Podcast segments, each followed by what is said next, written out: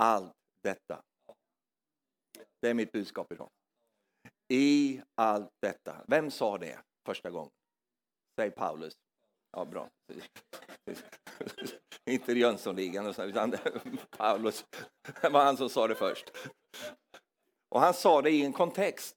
Och, och, jag vill gärna hålla på lite grann med det här. Och jag var så inspirerad igår och lyssnade på Carl Gustaf. Det var ju ett fantastiskt bra möte igår. Härligt, underbart. Och ikväll så har vi honom igen. Och vi ser fram emot att höra honom. Och det, jag tror den här helgen, det var så härligt Carl Gustaf, för att jag, det här har jag brunnit för att leverera på, på något av mötena. Men eh, det var så härligt för att själva tonen, för det är det viktiga, vi fångar upp tonen.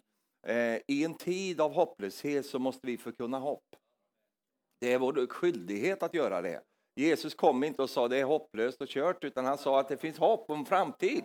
Amen. Och det, det är en sak att, att ta, och, och liksom tänka hoppfullt när allt är hoppfullt. Men när allt är hopplöst så kan vi hoppas ändå, som Abraham gjorde. Och det är det som gör skillnaden, att eh, man faktiskt har ett hopp som bär. När allt annat hopp har brutit samman så finns det ett annat hopp och det hoppet vill jag tala till oss om här idag. Att det finns ett hopp som bär och det är det hoppet vi har i ordet, i Gud, i Jesus, i det rike som inte kan skaka. Wow. Nu är du nu är du så tyst jag blir rädd här, men, men eh, det här kan inte skaka det här riket som vi är insatta i. Och det är fantastiskt. I allt detta, Romarbrevet 8, vers 37, så ska vi börja där. Eh, så talar Paulus, jag hoppar bara in i det han säger här. Eh, och eh, från vers 37 där. Så säger han så här. Men, säger han. Jag gillar det, för det gäller inte kvinnorna. Jo då, det gör det. Men i allt detta vinner vi en överväldigande seger genom honom som har älskat oss. Halleluja. I allt detta. Och nu har vi mycket, mycket detta. Det är mycket som fångar vår uppmärksamhet. Det är mycket saker som, som vi har precis kommit ur den här eländiga pandemin som, som vi har hållit på och tragglat med här nu under två år. Så, så smäller det till ett krig i Ukraina eh, och, och, och, så vidare. Och man tänker, nej, ska det aldrig bli lugn och ro? Nej, det kommer aldrig bli lugn och ro. Eh, och så länge jag har varit frälst så har det aldrig varit lugn och ro. Jag har letat efter ron och lugnet, men jag hittar aldrig, för så fort jag kommer till ordet lugn så blir det ingen ro där, för jag kommer dit. Någon som sa så här, jag ska, kom och bli frälst så får du det fint. Och du får det lugnt och härligt och bra. När jag blir frälst, jag kommer rätt ut i ett krig. Jag har aldrig haft så mycket grejer sedan jag blev frälst, och inte tala om när jag blev andedöpt. Alltså. När jag blev andedöpt, då började det verkligen vina och härja runt omkring. Du säger, men varför ska man bli frälst då? Så? Ja, det, det är ingen bra fråga. Den tänker jag inte ens svara på. Det är klart att man ska bli frälst, därför att det finns någonting som är eh, inneboende i själva frälsningens erfarenhet. Och det är just detta att i allt detta så vinner vi en härlig seger. Halleluja. Du vet på 80-90-talet så sjöng vi den sången Vi älskar strid. Jag tänkte vilken sång alltså. Vi älskar strid. Och man stod där och vi hade en broder som eh, eh, Ed Cole som kom och besökte oss. Han tyckte den var så fantastisk den här sången. Så han skulle alltid sjunga den på, eh, innan han började predika. Vi älskar strid och vi segrar jämt. Och, och, det är klart att det, det, man måste kanske modifiera det där, inte modifiera det, men kanske förklara innehållet. Vi älskar ju inte att slåss med människor på det sättet. Men det finns någonting i striden, och det är den striden som har en andlig dimension i sig. Och den striden kan du aldrig undgå. Det, vi är fredsliga, fredliga människor, vi är fridsamma människor, vi vill inte slåss med folk.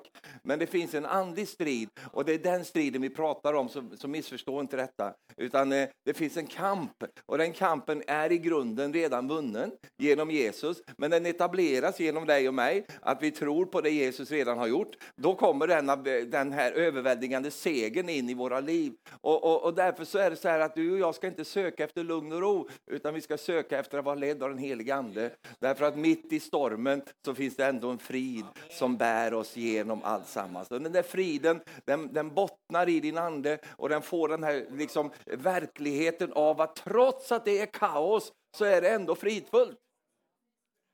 Är inte det märkligt? Du har inga pengar på kontot och frun är sur och, och hunden har blivit demonbesatt och det är massa grejer i ditt liv och ändå känner det går bra det här. Kommer igenom det här. Halleluja. Jag har haft demonbesatta hundar. Vet du. Och vi får inte tala om katter. Det finns inga djur som kan bli så demonbesatta som katter. De, de skaffar aldrig en katt. Du vet aldrig vad den drar med sig in i din familj. Och nu får jag hälften av publiken emot mig. Åh, min lille Pelle, jag älskar honom så mycket. Ja, ja, men inte det som är i honom. Det ska ut.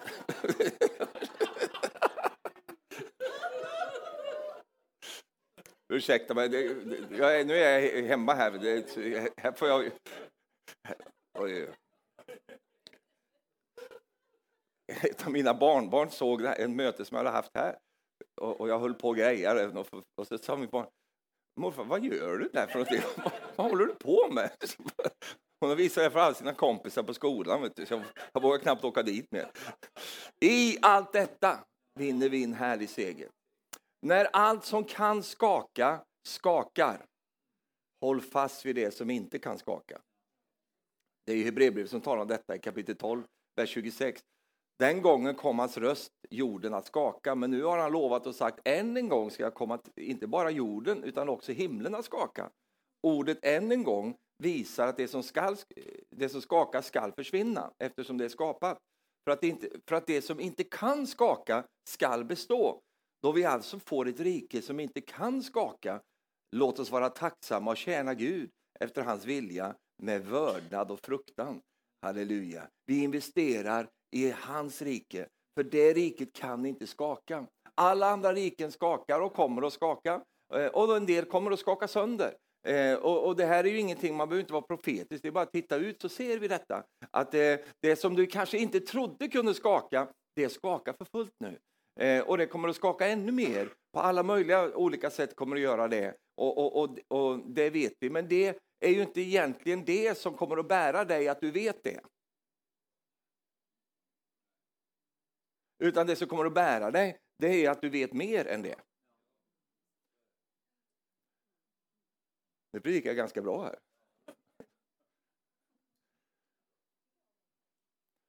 Den som vet hur kommer alltid ha ett jobb, men den som vet varför kommer alltid vara hans chef.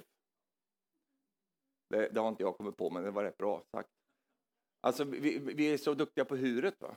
Eh, men vi måste ju veta varför. Och när vi vet varför, när vi kopplar med Gud, då får vi en annan insikt. Vi förstår saker och ting utifrån hans horisont. Och, och, när vi vet utifrån hans horisont, ja, men då har vi mycket lättare att förhålla oss till det som vi ser här. Och det är därför som vi bygger våra liv på det som inte kan skaka. Halleluja. Och en annan ting som jag gärna vill ta med mig här idag, det är ju det att det uppmuntrar dig. Håll fast vid det du har lärt. Jag blir nervös, eller jag blir lite orolig i alla fall, det är när man byter teologi efter omständigheterna. Och helt plötsligt så har man en annan teologi därför att omständigheterna ser annorlunda ut. Men du förstår att Gud har inte brytt sig så mycket om omständigheterna utan hans ord är för evigt fast i himmelen och det gäller oavsett hur omständigheterna ser ut. Och därför blev jag så otroligt glad igår när jag hörde Carl Gustaf predika trons ord till oss här idag. Är det något vi behöver så är det tro på Gud. Vi, vi behöver hålla oss till det vi har lärt. Och det säger Paulus till Timoteus. Han säger så här, håll fast vid, det är i andra Timoteus 3 och vers 14.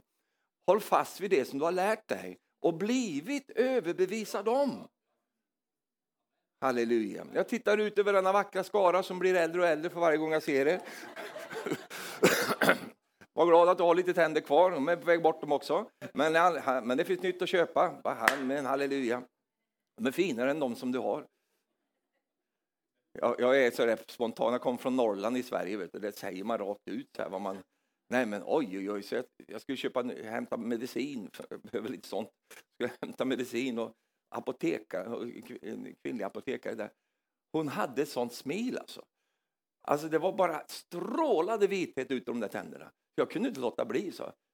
Hon var inte svensk heller, för det funkar att säga sånt där. Svenskar, svenskar blir förnärmade om man säger något sånt där, men inte, hon kom från ett annat land. Oj, vilka tänder du har! Så. wow! Så. Jag kunde inte låta bli. Och då drog hon ut huvudet genom den lilla luckan där. De är fejk. Ja, men varför har du köpt dem? så jag. Ja, hon var, de var dyrt, de var väldigt dyrt. Ja, ja, men vad fina var de. Hur som helst, jag har sett det många gånger, många av er. Och du har suttit under ordets förkunnelse. Du har hört. Och, och jag är så otroligt tacksam för att jag fick tag på den här undervisningen om tro, om vem vi är i Jesus, vad vi har i honom, vad vi kan göra i honom, att det är seger genom honom, och tron på helande, tron på genombrott. Allt detta eh, som jag idag hör eh, genom olika, så hör jag att man börjar ta avsteg från det där och säga att det där var dåligt, det var, oj då vet du inte vad du pratar om. Det där räddade mitt liv kan jag tala om för dig. Och det har inte räddat mitt liv en gång, det har räddat mitt liv många gånger.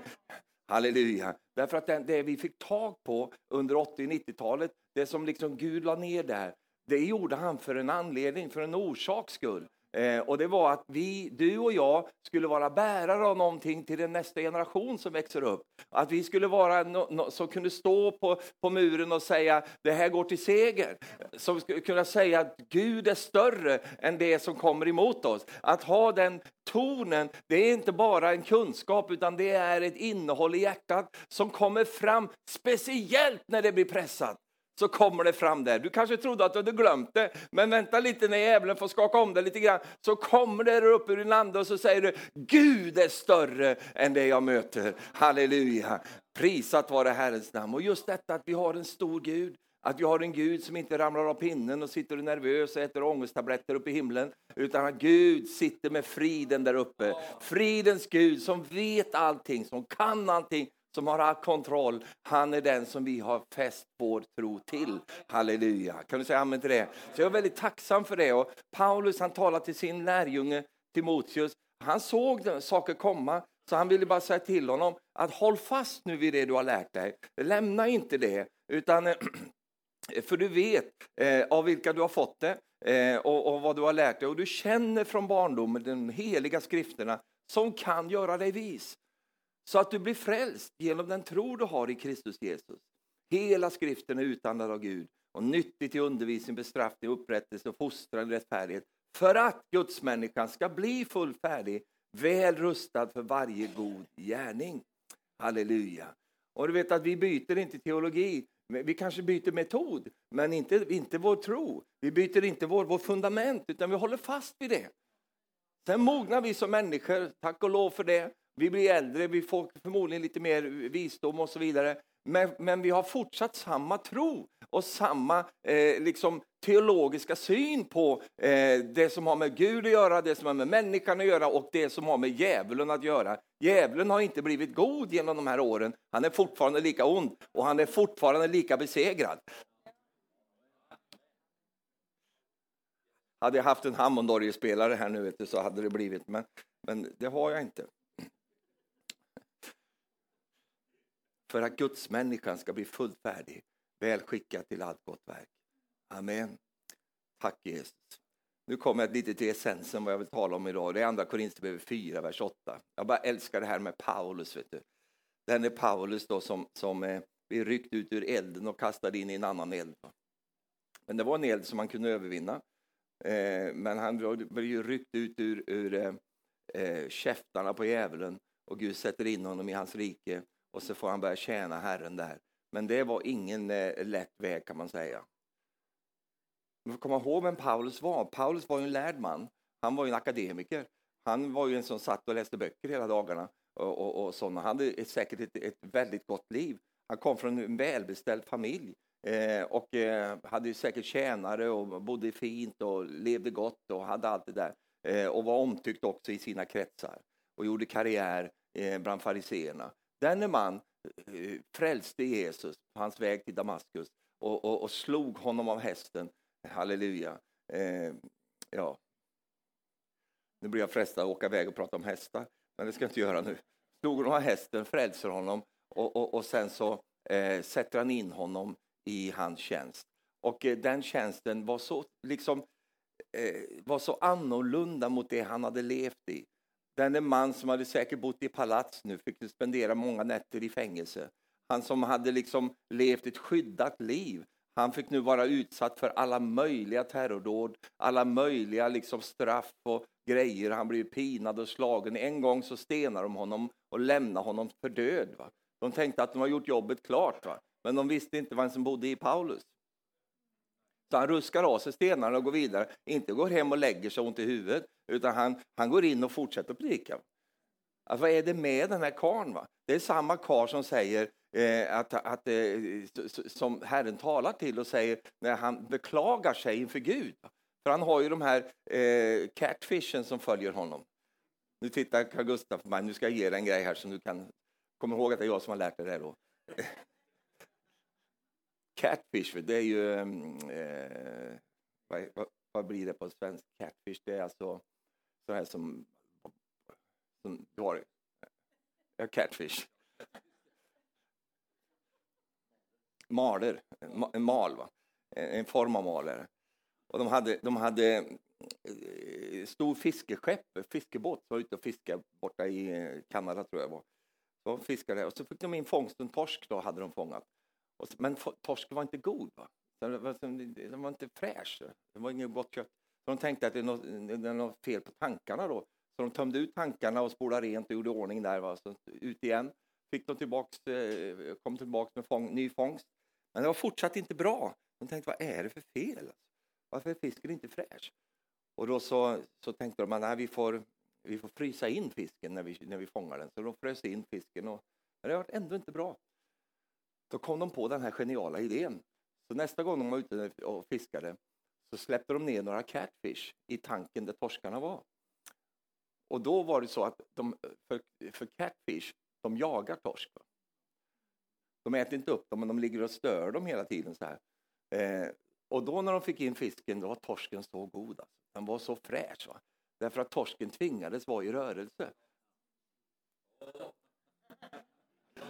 Om du tittar tillbaka och undrar vem det är som nyper dig rumpan hela tiden. Det är den där som Gud har tillåtit att vara där i ditt liv för att inte du ska bli en sur, seg gammal torsk som ingen vill äta. Utan, utan utan, det ligger en där bakom som hela tiden... Paulus hade några sådana där catfish. Vet du. Han hade de här som nitälskande judarna. De kom och jagade, förstörde varenda möte för honom. De var ute där och tog reda på och läste mötesannonserna. Och sen så, ja då går vi dit och så bara sitter vi där och förstör hans möte. Och till slut var han så trött på de här så att han ber till Gud. Gud, ta bort dem härifrån mig. De, är, de bara förstör hela tiden. Och då säger Herren så här till honom. Paulus, min nåd är dig nog. Ty kraften fullkomnas i svaghet. Skröplighet på norska, mycket bättre. Alltså, det, du känner dig skröplig, du känner, va, va, åh, får jag aldrig någon lugn och ro? Nej, för att ditt kött ska smaka gott, halleluja. Det ska inte vara någon så här liksom dögrejer som kommer, utan det ska vara lite liv. Om du undrar varför den där grannen är som han är och håller på där och, och, och surar när du kommer förbi, det är en catfish. halleluja. Eh, jag håller dig på liksom, amen. Om du undrar varför när du tankar din bil och varför är det liksom någon, någon som är där och tankar före dig och, och, och så hinner de precis höja priset när, när du kommer. Och, nej, en catfish. Och så jag tänker att liksom Gud skulle respondera, för de var, ju, de var ju ute efter att ödelägga för Guds rike, de här som, som började förstöra. dem. och Gud säger, nej vi låter nog dem vara där. Det är, det, är, det är, bra för dig, för det kan hända något annat med dig Paulus om jag tar bort dem. För om jag tar bort dem så, så kan den där stoltheten som ligger och lurar där hela tiden, det där högmodet som gärna kan komma när det går bra och allting går fint och, och så vidare och du har ett fantastiskt möte och sen så, åh halleluja, men då står en catfish utanför och väntar där och för att få ner dig på jorden så du vet att Ah, vad var det som bet mig här nu igen? Åh, oh, just det. Halleluja. Säg halleluja! Så du ska prisa Gud för det, därför att kraften fullkomnas inte i kraften, utan den fullkomnas i skröpligheten. Och när du känner att jag klarar inte det här, jag fixar inte, jag reder inte ut det här, då kommer Herrens nåd, nåd som är mer än nog för dig. Och den nåden väller in. Och du vet att ibland så tänker man, käre gode Gud, hur kunde det gå så bra när det var så dåligt? När vi var så skröpliga. Hur kunde Gud, vad är det? Vad är skillnaden? Det kallas för nåd. N-O-D. Om du är norsk, N-O-D-E. Nåde. Halleluja. Amen. Prisat vare Herrens namn. Kraften fullkomnas i svaghet. Halleluja. Och det är därför som Gud, han har svårt att använda för många som har för mycket kraft. De har så mycket kraft. Jag tyckte att jag var använd av Gud när jag hade kraft. Va? Och inte ett dugg använd. Men nu tycker jag att jag inte har någon kraft alls. Jag vet inte om jag är så mycket använder heller. Men, men, men, men Gud, det är märkliga grejer det här. Alltså. När Mose var 40 år gammal, då kunde han allt. Och då slog han ihjäl Egyptien. Han var välutbildad och allt det här. Sen gick det 40 år i öknen, då kunde han ingenting. Då har han glömt bort hur man pratar också.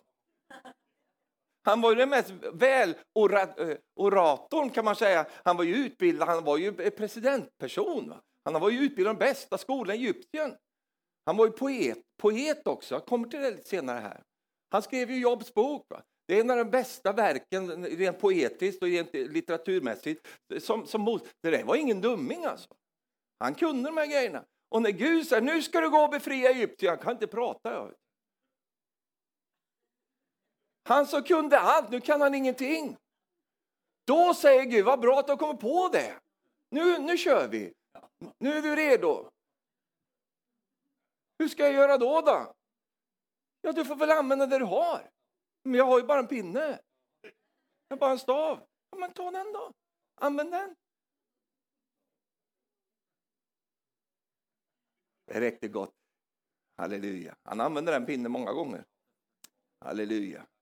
Och då är det någon som tänker, åh wow, jag, sån pinne vill jag ha. Nej, sån Gud ska du ha. Det fattar väl vem som helst, att pinnar delar inte på Röda hav och så vidare. Det, det förstår väl vem som helst, till och med du och jag förstår sånt. Det är ju Gud som gör det. Men Gud vill bara visa, jag är inte avhängig av dina förmågor.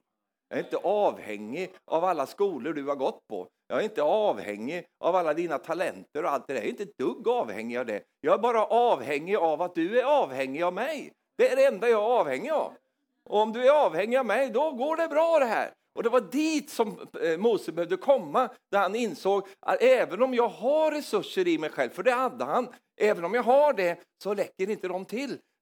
Jag måste lita på Gud. Så han kunde allt och sen kunde han inget och då kom han som kan allt, halleluja, till hans aid och hjälpte honom. Kan du säga amen till det? Halleluja. Här har du Paulus då som, som vi är inne på lite grann här. Eh, så säger han så här i, i Andra Korinthierbrevet 4, vers 8. Han säger på det här viset. Jag tycker det här är så bra. Alltså. Vi är på allt sätt trängda, men inte utan utväg. Vi är rådvilla, men inte rådlösa. Vi är förföljda, men inte övergivna. Vi är nedslagna, men vi är inte utslagna. Och jag tycker det sista är så härligt. Vi är nedslagna, men vi är inte utslagna. Ja, men om du ska slåss med en sån här, vet du. Du slår ner honom hur många gånger som helst. va? Och så tittar han upp på dig alldeles blodig och blåtir i ögonen du har slagit honom. Och så tittar han. jag är inte utslagen. Och det är lite grann jag tycker med de här eh, folket i Ukraina. De är på det sättet. Alltså, det, det, det, det haglar bomber runt omkring dem och fortfarande så har de den här och jag bara ber att, att de inte ska tappa det. Va? Därför att det, den som låter modet falla saknar nödvändig kraft. Eh, och, och, att de ska behålla den, därför att du vet att det är inte roligt att vara en, eh, en angripare till en som har den hållningen. Va? Och det är hållningen som gör skillnaden. Och så är det för dig också. Du kan ha resurserna, men har du inte hållningen, har du inte attityden, ja men då hjälper inte det. Och det är det här fienden vet. Han vet att kan han knäcka ditt och mitt mod, då knäcker han oss. Va? Det hjälper inte att du har massa pengar på banken om du inte har ett mod som, som, eh, som, som bär dig. Det är modet som uppehåller mannen i hans svaghet. Och det är därför som Gud vill att du och jag ska ha ett, ett friskt mod. Ett, ett, ett, så att vi kan, ja. Vi är nedslagna men vi är inte utslagna. Alltid bär vi Jesu död i vår kropp för att också Jesu liv ska bli synligt i vår kropp. För vi som lever utlämnas ständigt åt döden för Jesus skull, för att också Jesu liv ska uppenbaras i vår dödliga kropp. så verkar döden i oss och livet i er.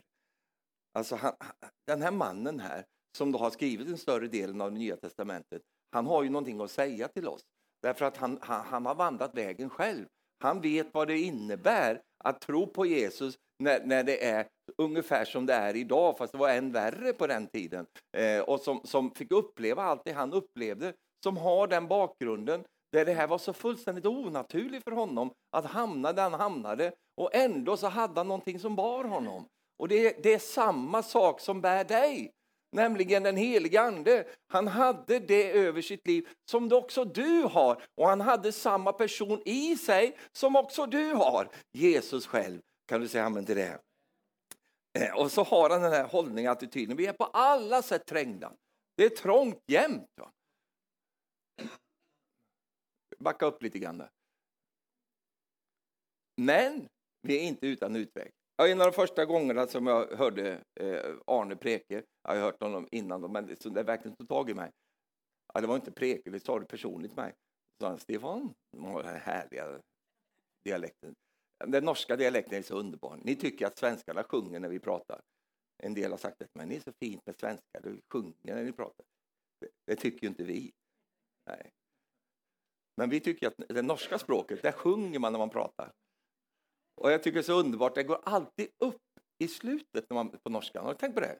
Ni har inte tänkt, men jag har tänkt på det. Det går alltid upp. Det är så härligt. Ja. Speciellt på den här sidan av Norge så är det, det är det vi tycker är norska. Eh, för vi har ju växt upp med Flexnäs. Eh, och liksom, det, det, är liksom det, det, är så, det, är så, det är så bra. Hur är det med dig, Stefan? Aha, det går alltid upp. Och en man kom till mig en gång och sa så här, Stefan, jag är så deprimerad. Och då tänkte jag, jag tänkte, du vet inte vad deprimerad är. Jag är så deprimerad. Det bara gick upp så här. Va? Och jag bara älskar det. Vet du. Halleluja. Det, det är det han säger. Det är Paulus. Han, han är han säkert har någon, det, det är någon, något med norska här. Va? Han säger, vi är nedslagna men vi är inte utslagna. Ah! Vi, vi, alltså han har det här, den där knorren där på slutet som liksom ramar in allting. Och du vet att en del människor är experter på att berätta hur förfärligt allting är. Oj, oj, oj vad de kan måla ut det för dig. Och för, oj, käre Gud. Du, du, kommer till läkaren vet du, du, du det, så, det, var dystert innan du gick in och det, det är ändå dystert när du går ut. Va? Det, det, liksom, det, det är ingen, aha, det är inte, jag är så deprimerad. Det är inget sånt. Va? Utan det är nej, nej, nej, nej, nej, nej, nej, nej. Ungefär som, sa jag.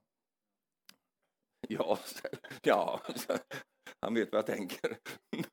De vill prata med det, men det, det, alltså du var vid gott mod, hyfsat i alla fall. Tills du träffar den där personen. Du har aldrig träffat sådana människor någon gång? Eller? Nej, för du har bara varit här inne i de här fyra väggarna. Men det finns ju en och annan som kan fullständigt ha någon slags demonisk nådegåva att ta ditt mod ifrån dig. Har du varit med om det någon gång? Sitter du religiöst Visst har, visst har du varit med om det? Då är det härligt med sådana här möten. Jag var lite smådeppig, jag har varit ett tag. Fast på norska. Så, Ah. Så kom jag in och lyssnade på den här trosundervisningen. Det är så härligt. Alltså. Man blir kär. Oh, halleluja. Det är nog inte så illa ändå, Stefan. Det kanske finns några år till. Vi kör några år till. Halleluja. Titta på den gamla gubben, säger du. Häng med några år till.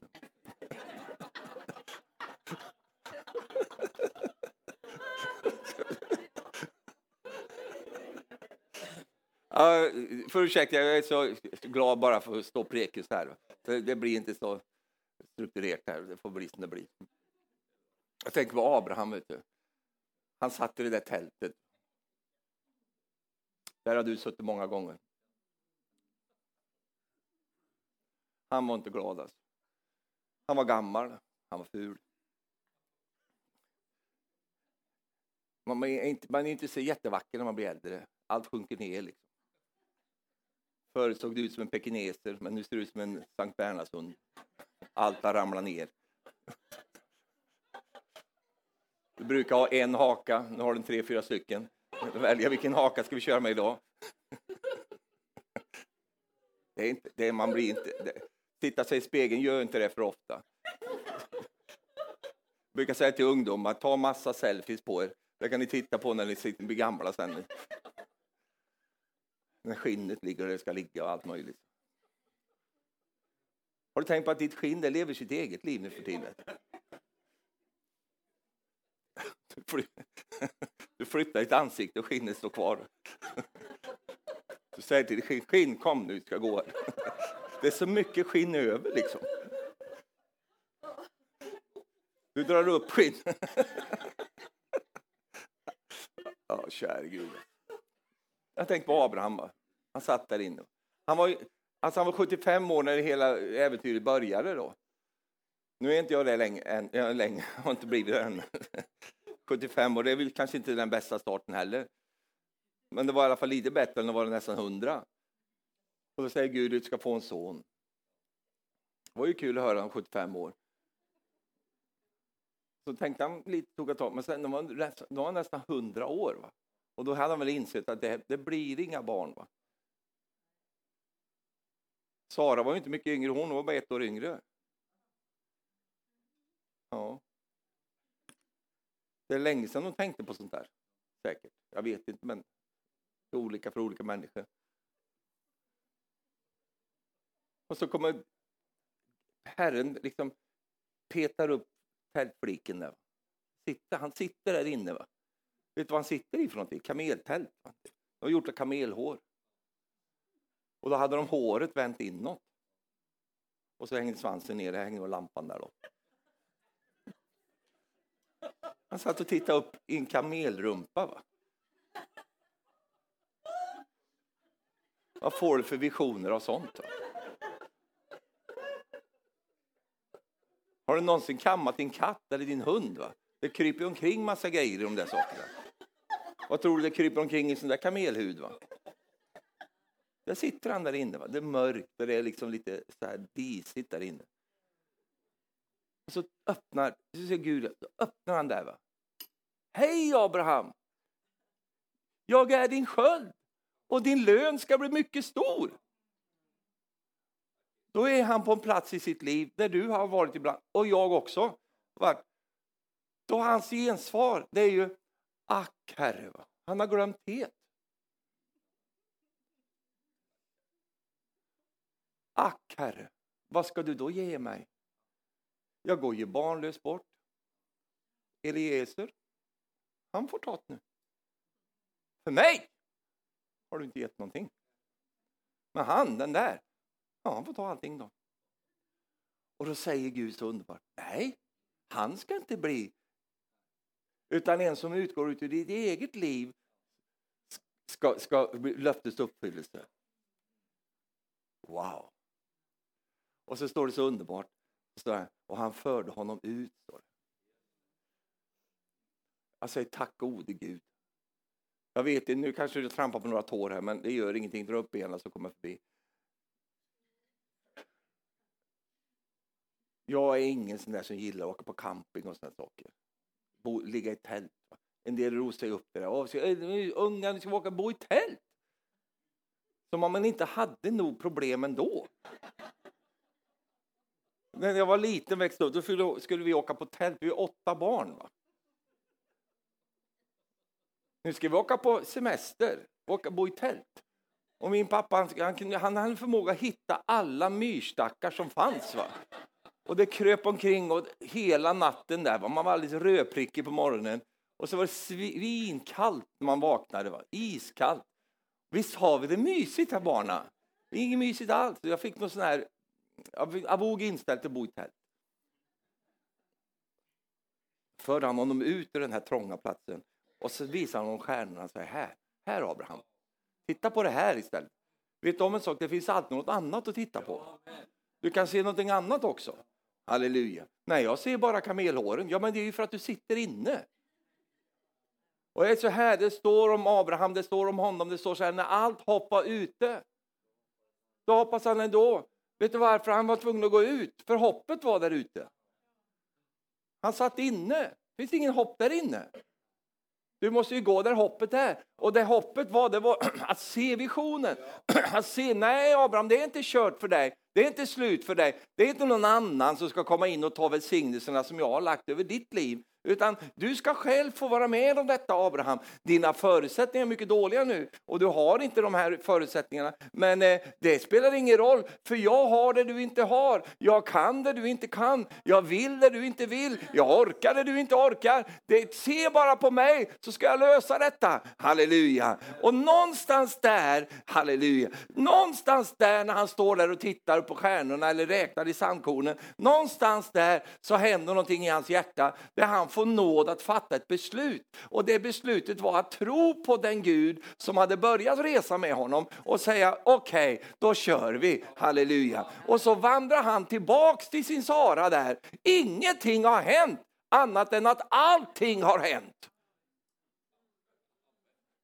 Och så säger han till Sara, Sara, Ta på dig leopardpyjamasen nu, sätt på lite härlig musik nu, nu kör vi gumman! Oh! Och då säger hon, nej, det ska jag väl nej, det, nej Abraham kom inte hit, jag är benskör, hjälp mig, du, du rör mig inte! Jo då, nu kör vi gumman, nu kör vi!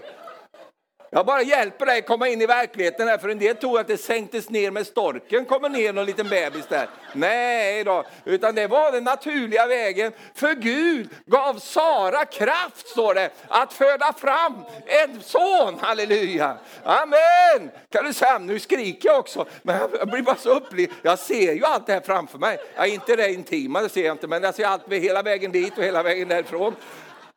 Här kommer en gammal gumma med rullator, vet du. Ska, vad ska du göra för någonting? Du har gått fel. Nej, jag ska in på förlossning här.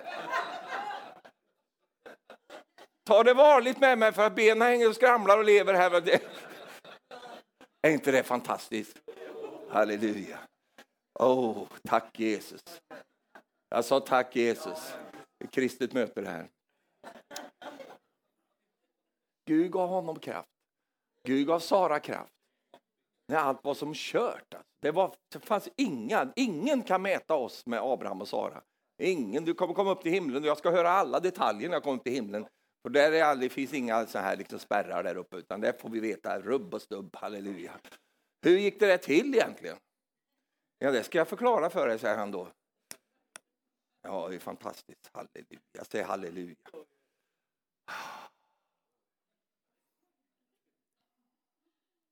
Vet du vad allt detta är? Vad som är skillnaden i allt det här?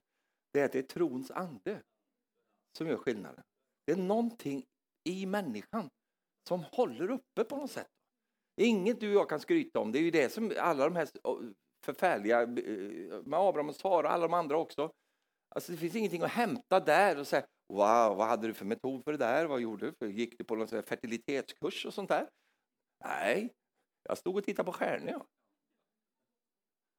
Och det bara hände något i mitt liv. Vad var det för någonting? Trons ande. Samma ande som var vid Kaleb och Josua. Alltså inga andra får komma in i landet. Det är bara de där två som får komma in för att det är en annan ande i dem. Och det är denna trons ande som också eh, eh, Paulus har talat färdigt om det här. Det är då han summerar detta då. Eh, vad är det som gör det här att han inte är utslagen, att han inte är liksom eh, det vi har läst här innan. Eh, vad är det som gör det? Jo, då säger vers 13, men vi har samma trons ande som i skriftordet. Jag tror, därför talar jag. Så tror också vi och därför talar vi. Amen. Så detta är så underbart. Eh, ni tänker, ja, jag måste eh, liksom, um, få till det här med tro. Nej, du behöver inte få till någonting. Utan helig ande är trons ande. Och han, när han fyller ditt bröst och fyller din inre så, så har du förutsättningarna där. Halleluja. Och det är det som egentligen vi behöver komma in i ännu mer eh, och inte tappa bort det och inte schabbla bort det utan istället bara Jesus, tack för att du hjälper oss. Och det är det som jag tror är den kunskapen som Gud förlänar oss, ett gammalt svenskt ord, som Gud ger oss, kunde jag sagt från början. Gud ger oss den kunskapen när vi ser de här omöjligheterna som börjar te sig i våra liv. För att när man är ung så tänker man nog kanske, ah, det är Gud och jag. Amen, halleluja. Men när vi blir lite äldre så inser vi att nej, det är nog bara Gud det här. Det är Gud trots jag. Man upptäcker att man har en del saker som är väldigt mycket eh, bristfälligt och allt det där. Och det ska du egentligen inte vara så ledsen över, utan istället bara tacka Gud för att Gud kan komma åt oss ännu mer då. Halleluja. Kan du säga halleluja? Amen. Jag ska bara avsluta med det här och, och det är en lång punkt. så. Det låter ju bra, jag ska avsluta med det här, men det är en lång punkt här. Eh, låt mig få tala lite om jobb här också till, till, till avslutning idag. Du vet han som hade så jobbigt. Den tog du inte riktigt, nej. Men jobb kan lära oss hur man tar sig igenom tuffa tider. Han har något, han, alltså det, det är en lång bok, det är en stor bok i Bibeln. Om, och, och veteligen så är det så att det är den första boken som är skriven i Bibeln. Det är intressant och det är Mose som har skrivit den boken. Eh, och Jobb är ju intressant i sig själv som ett fenomen. För Jobb var ju inte, han var inte jude, han, eh, han var in, inte Israel.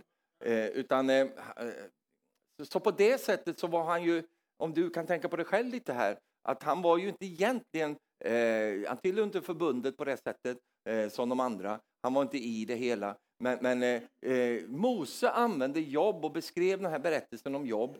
Eh, om man tror att han gjorde den här boken, skrev den här boken eh, när de gick genom öknen, eh, när de var i vildmarken själva, när de själva gick igenom saker och ting. Och visst är det viktigt att vi får höra rätt budskap i de olika säsongerna som vi vandrar igenom.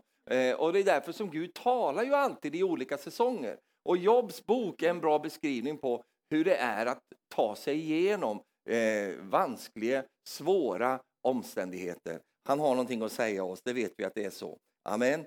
Och det, är, det är ju säkert också en norsk accent i det här, för det slutar hallå. Det sista som händer så slutar han på topp. Och det är underbart, halleluja. Men låt oss lära oss lite grann av, av Jobb. Där. Några korta saker om honom. Det första jag vill säga om Jobb är att Guds favör var över Jobb. Du, du förstår att jag pratar om dig nu va? Guds favör var över Jobb. Så till den milda grad att Gud var så stolt över honom. Och Gud sa, har du sett min tjänare Jobb? Precis som du är med dina barn. Va? Oh, har du kollat på henne? Har du kollat på honom? Det är min, det är min grabb det här. Oh, det är så underbart att det, vi som föräldrar, vi behöver inte vara objektiva. Vi kan tycka att det, det här är det bästa som någonsin har skapats av Herren själv. Och sen har vi alla andra barn också, de finns ju med. Men så har jag ju mitt barn, halleluja. Och det, det, det är helt i din rätt att få tänka så. Amen. Och, och, Det är så härligt att höra när vi när föräldrar och, och, och, mor och farföräldrar pratar om sina barn eller barnbarn och allt det där. Det ligger så nära hjärtat och man känner, åh, Gud är likadan. Alltså, Gud är likadan. Har du sett min tjänare jobb? Kolla in den grabben nu, han är min, han tillhör mig. Jodå, jag har lärt honom allt jag kan. Men nu var det, var det så att det var inte någon vänlig person som man säger det här till, utan han tar, plockar fram jobb inför djävulen och säger, har du kollat in jobb? För djävulen han har gjort sin sedvanliga vandring över jorden. jorden. Och säger, var har du varit någonstans? säger Gud till djävulen och säger, ja men jag har varit på en vandring över jorden. Jaha, har du varit det du? Har du då lagt märke till jobb? Det finns väl inte maka på gosse än den pojken. Har du sett hur rättfärdig han är? Sett hur, vilken härlig kille det är? Va? Alltså kan du se Gud, hur stolt han är där uppe i himlen och tycker det här är wow. Och då så säger djävulen så sant också, han säger så här, jo då, men det är ju för att du beskyddar honom. Du håller honom så speciellt, du bara håller honom där, så det går ju inte att komma åt honom. Släpp ut honom till mig ska du få se vad jag ska göra med honom. Då skulle jag vända på hela hans inställning. Han kommer, att, han kommer att förbanna dig när jag är färdig med honom. Och då tänker jag så här, att Gud vis, eh, visste vad som längst inne bodde i den mannen där. Han visste att det kommer han aldrig att göra. Alltså det kommer han aldrig att göra och det gjorde han aldrig heller. Och då säger Gud till honom, okej okay då, du kan ta hans ägodelar, du kan göra det, men du får inte komma vid hans liv. Det där ordet sa, sa, sa Gud till mig en gång. Djävulen kom och försökte döda dig så många gånger, Stefan, men han, han får inte komma åt, han får inte ta död på dig. Det står jag garant för. Nej, men jag är nästan död alltså.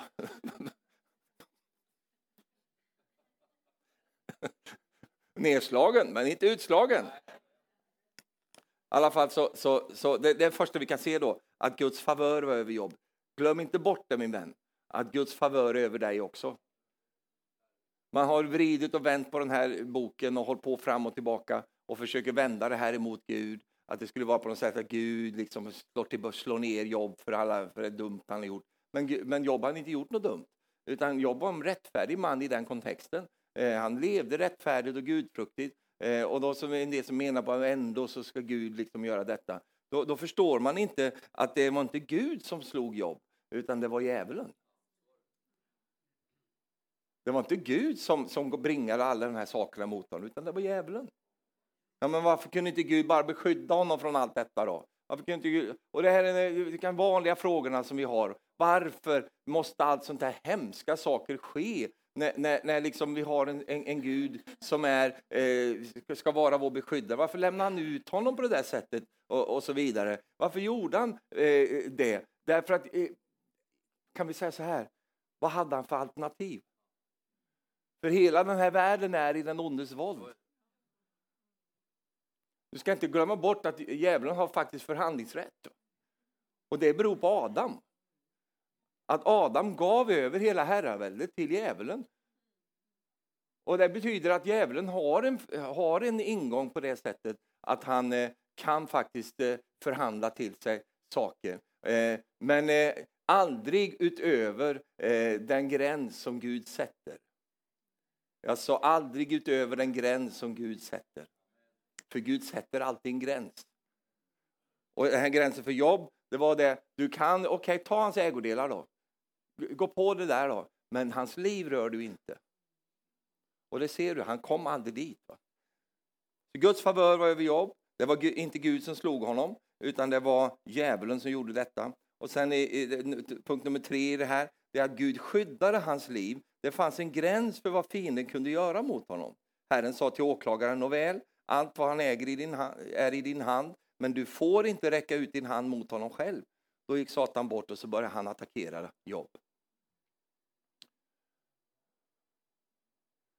Halleluja. Jag sa halleluja. Tänk på det. När du åker genom stormiga väder eller du är ute och kör bil när det är halt ute. Det gör jag ofta. Ja, inte just nu alltså. Då tänker jag på det ofta. Jag kommer inte dö här. Jag satt på flyg upp till Trondheim. Eh, och det var så, där, I Trondheim en viss tid på året så kan det vara förfärliga, liksom, det är jätte, flygplatsen ligger helt fel. Och det var sån turbulens, vet du, och det satt en äldre dam jämte mig. Hon var så rädd va? och satt och skakade så här. så tittade jag på henne och sa, är du rädd? Så? Ja. Nej, men du behöver inte vara rädd för vi kommer ner bra här. Så. Hur vet du det? Hur vet du det? Nej, men jag är med här. va. Det där har jag lärt mig av en annan som sa det här nämligen. Men det spelar ingen roll för det gäller mig också. Men jag är med här. Vad menar du? Nej, men jag ska predika den här veckan här i, i, i, i eh, Betekyrkan här. Så, så vi kommer, för de väntar på mig där, så, det, eh, så jag kommer ner då. Och du sitter ju jämte mig här, så du kommer också ner. Hur kan du tro sånt då? Ja, men jag tror på, jag tror på Gud. Och det var skönt att du har något utanför dig själv. Ja, det. men jag kan be för dig så, så, att vi, så du slipper sitta och skaka här nu, för det skakar i min stol också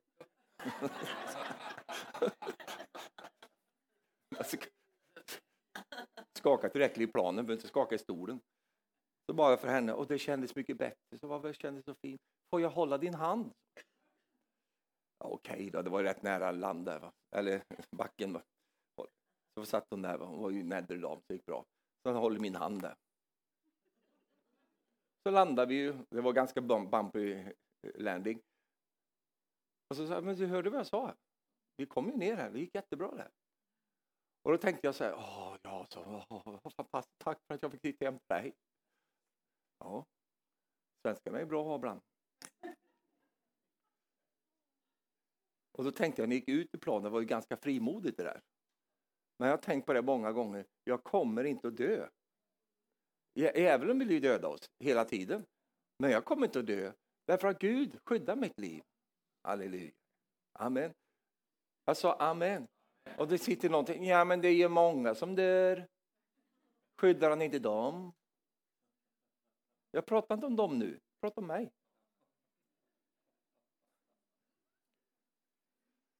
Skydda hans liv. Kom ihåg min vän, det som gäller för mig, om du är i Kristus Jesus så gäller det dig också.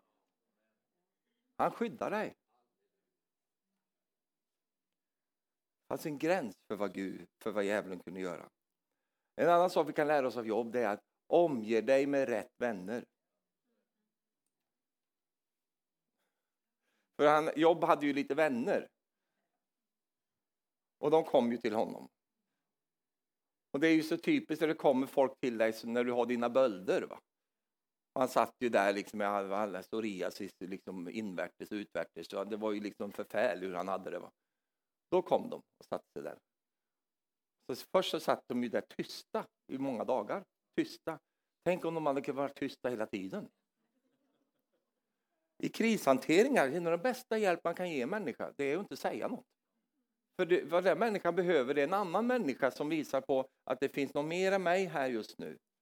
Det är bland det bästa du kan säga ingenting. Jag kommer ihåg när min, vår dotter dog. Då hade vi en, en kille i församlingen och han sa inte ett ljud. Han kom bara satt där. Alltså, inte ett ljud. Och jag pratade med honom efteråt sen.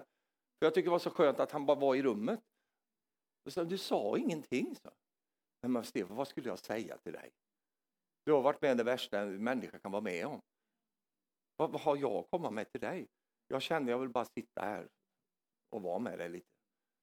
Och jag tackar honom så mycket för detta, för att det var bara just det jag behövde. Jag behövde inga liksom, råd och fem steg till en väg framåt. Behövde ingenting, inga steg alls. Utan de satt, det var rätt bra de började, de satt tysta där bara.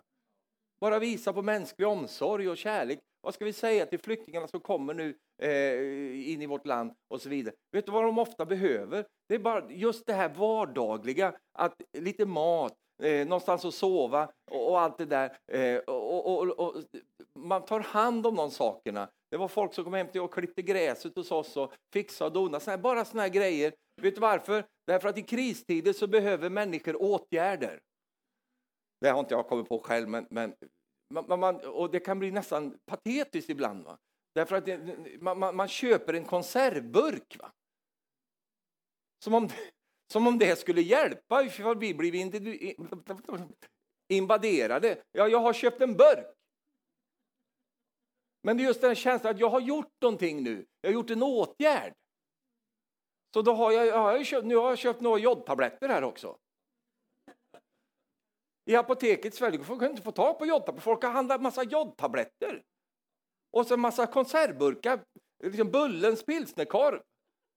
Det är svenska grejer det. Den är god faktiskt. Om du inte dricker pilsner så köp inte den korven där. Den ligger i pilsnerspad. Eller köttfärsk konserv. Som om det skulle hjälpa från en, missil. Va? Ja, jag har ju min burk. Trygg jag, vet. Ficklampor finns inte att köpa längre. Vad är det du ska lysa på?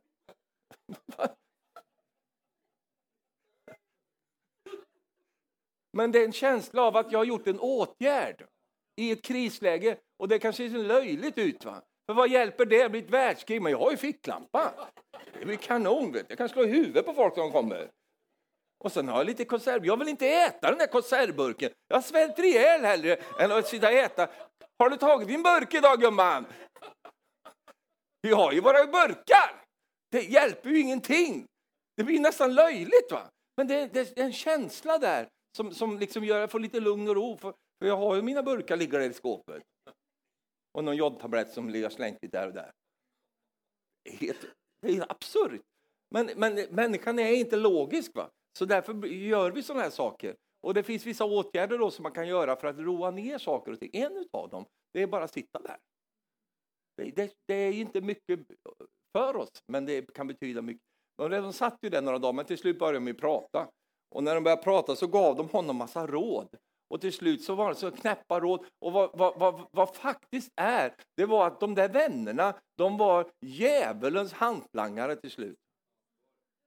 För de pratade på ett sådant sätt att de ville få jobb att börja anklaga Gud för att det är Gud som står bakom detta. Och du Jobb måste ha gjort någonting förfärligt eftersom det här hände. De, de hade fel i, i, på alla sätt och vis. Och de retade upp Gud också. Därför att det står så här att sen, sen Herren hade talat dessa ord till Jobb sa Herren till Eli, Elifas från Teman min vrede är upptänd mot dig och dina båda vänner, ty ni har inte talat om mig vad som är rätt, så som min tjänare Jobb har gjort.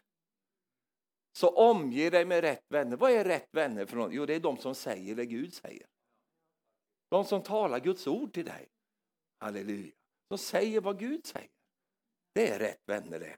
Halleluja. Och du upptäcker dem i kriserna. Det är då vi upptäcker vilka vänner vi egentligen har. Nåväl, jag har predikat mig själv glad här så jag ska bara avrunda här nu med högt upp så det tar lite tid att komma ner. Nu är det dags för unga och gamla att koppla ihop. Jag tänker på detta, va? vi har ju haft olika skeden, olika saker. Eh, och, man vill driva fram de unga, man vill putta bort de gamla, eller de gamla vill putta bort de unga. Och allt det. det där måste ta ett slut nu, därför att vi behöver de unga och gamla tillsammans. Och jag säger det av en orsak, och det är den här orsaken som jag ser här i Andra Konungaboken 6, vers 14. Så det står om det här att eh, fienden sände dit hästar och vagnar och en stor här. De kom om natten och omringade hela staden. Du kan ju bara tänka på någon av städerna i Ukraina. Eh, så var det här.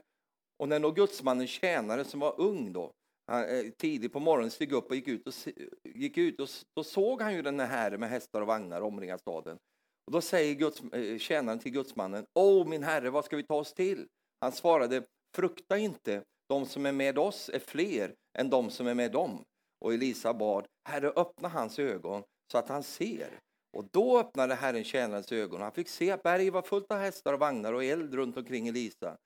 Halleluja. Och när armenierna drog ner mot honom så bad Elisa till Herren och sa, slå detta folk med blindhet, det vill vi be nu i Jesu namn slå de här eh, arméerna som plågar eh, Ukraina med blindhet så att de inte ser, de inte hittar fram, de, de kör fel, de åker ut i havet istället. Eh, de, de, Gud kan göra sådana saker och han har gjort det förut och han har redan gjort det i det här kriget som är nu. Vi hör vittnesbörd om det och Gud kommer att hjälpa till här. Halleluja. Men då kan vi inte ha eh, en massa, eh, ursäkta mig, unga människor som har niten och älskar men de har inte riktigt den där bottenkraften i det att de har sett att Gud har varit trofast tidigare, att Gud har varit med tidigare. Och du och jag, så, det finns inga unga generaler. De, de finns inte, de har inte hunnit bli generaler än. Bli inte så tyst nu. Du ser inte en 20-åring som är general i, i, en, i en armé. Va? Utan, jag blir så imponerad på de här som plockar fram nu. Flera av dem är pensionerade, de här översterna och, och alla de här som kommer in och sitter i studion. Vilk, de här vill jag lyssna på. De, de är de bästa av dem allihopa. För de, har sånt, de, de, de där killarna, de kan någonting. De har, de, de, de har hållit på länge. Vet du. Och när jag tänkte jag förberedde det här, tänkte jag vill säga det till dig. Du har hållit på länge. Och vet du vad, du har någonting att säga till de som är oroliga nu och de som blir stressade och oh, så här. Va? Du har någonting att säga till den unga generationen. Och vad är det för någonting då? Att det här kommer gå till seger. Gud är med. Han har inte lämnat. Gud öppna deras ögon så de ser. Halleluja. Kan du säga amen till det då? Du vet, jag, de ungdomar som, som, som jag kommer i kontakt med, de har en sån genuin oro. En genuin, liksom, om, om, inte bara det här, allt möjliga saker.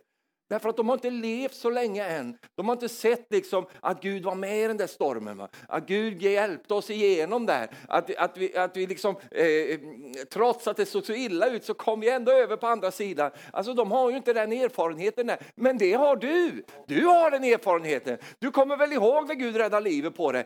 Du kommer väl ihåg att det, det var på väg att gå så dåligt och så illa. Och Gud på något sätt som du inte vet om, han hjälpte dig. Och så kom du igen och så är du här idag. Du kanske inte är lika vacker som du var då. Du var inte så vacker då heller, men du är ändå... Eh, så, Du kanske inte har liksom den stunsen längre. Du har, det, så, det var länge sedan du fick på dig några skinnbyxor. Det, det, det går inte längre helt enkelt. Du går mest med långkalsonger där hemma.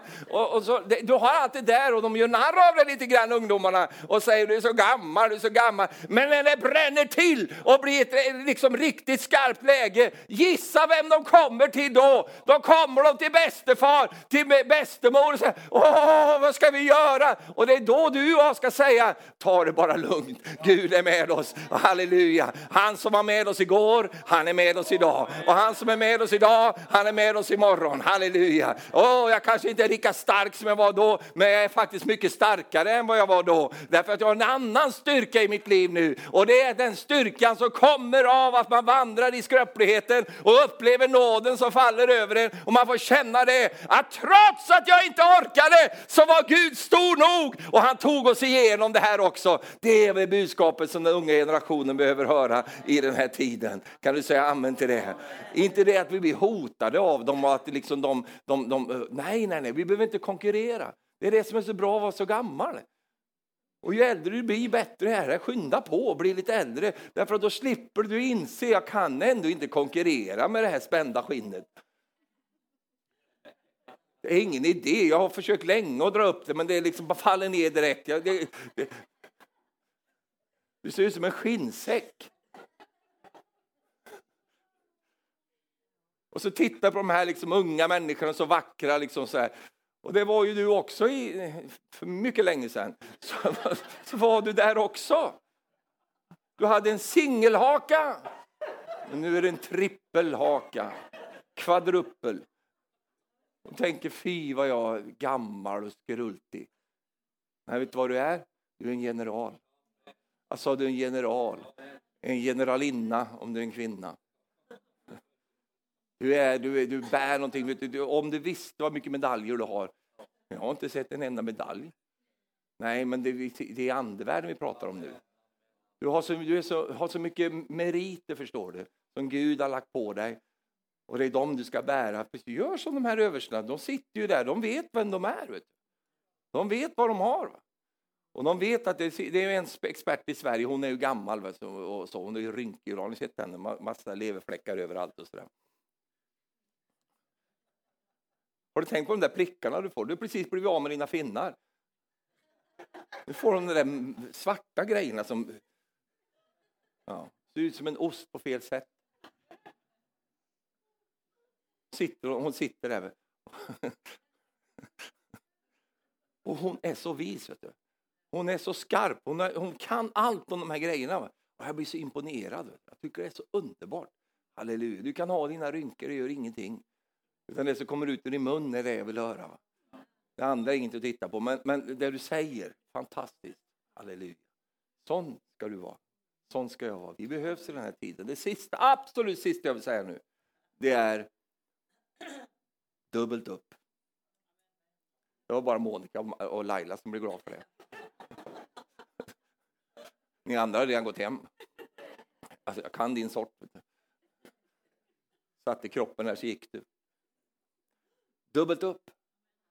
Jobb fick dubbelt upp för det djävulen hade stulit från honom. Du ska ha med dig det innan du går härifrån idag. Dubbelt upp. Inte bara jämnt ut. Dubbelt upp. Halleluja. Jag hörde för några år sedan, fick jag så starkt ord, att Gud kommer med payback. Va? Det kommer med, tillbaka. Alltså Gud kommer inte... Och när Gud säger payback, då är det från hans plånbok och inte min. Och det står det sista som står om, om Jobb, det är att Gud gav honom dubbelt upp. För om du räknar med vad han hade förlorat och ser vad han sen fick, så är det dubbelt upp. Han hade 3000 får eller något sånt där och nu fick han 6000. Alltså dubbelt upp. Halleluja. Och så levde han länge efter detta och han blev mätt på livet. Alltså då har man levt länge, man, nu är jag så mätt på det här livet, nu, nu räcker det. Va? Jobb dog inte av någon sjukdom. Han dog av att han var färdiglevd. Halleluja. Och han fick se barn och barn, hela allting fick utbreda sig. Det fick han vara med om. Och Gud gav honom tillbaka allt dubbelt upp. Vet du vad Gud ska ge till dig? Ja, det här känner jag är rent profetiskt till dig. Och till mig också. Att Gud ska ge dubbelt upp. Glöm aldrig bort att Gud tar det som händer emot dig mycket personligt.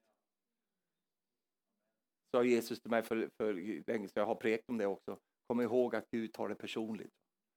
Det är inte så att han vänder sitt ansikte och bara till, ja, de får hållas där nere lite nu.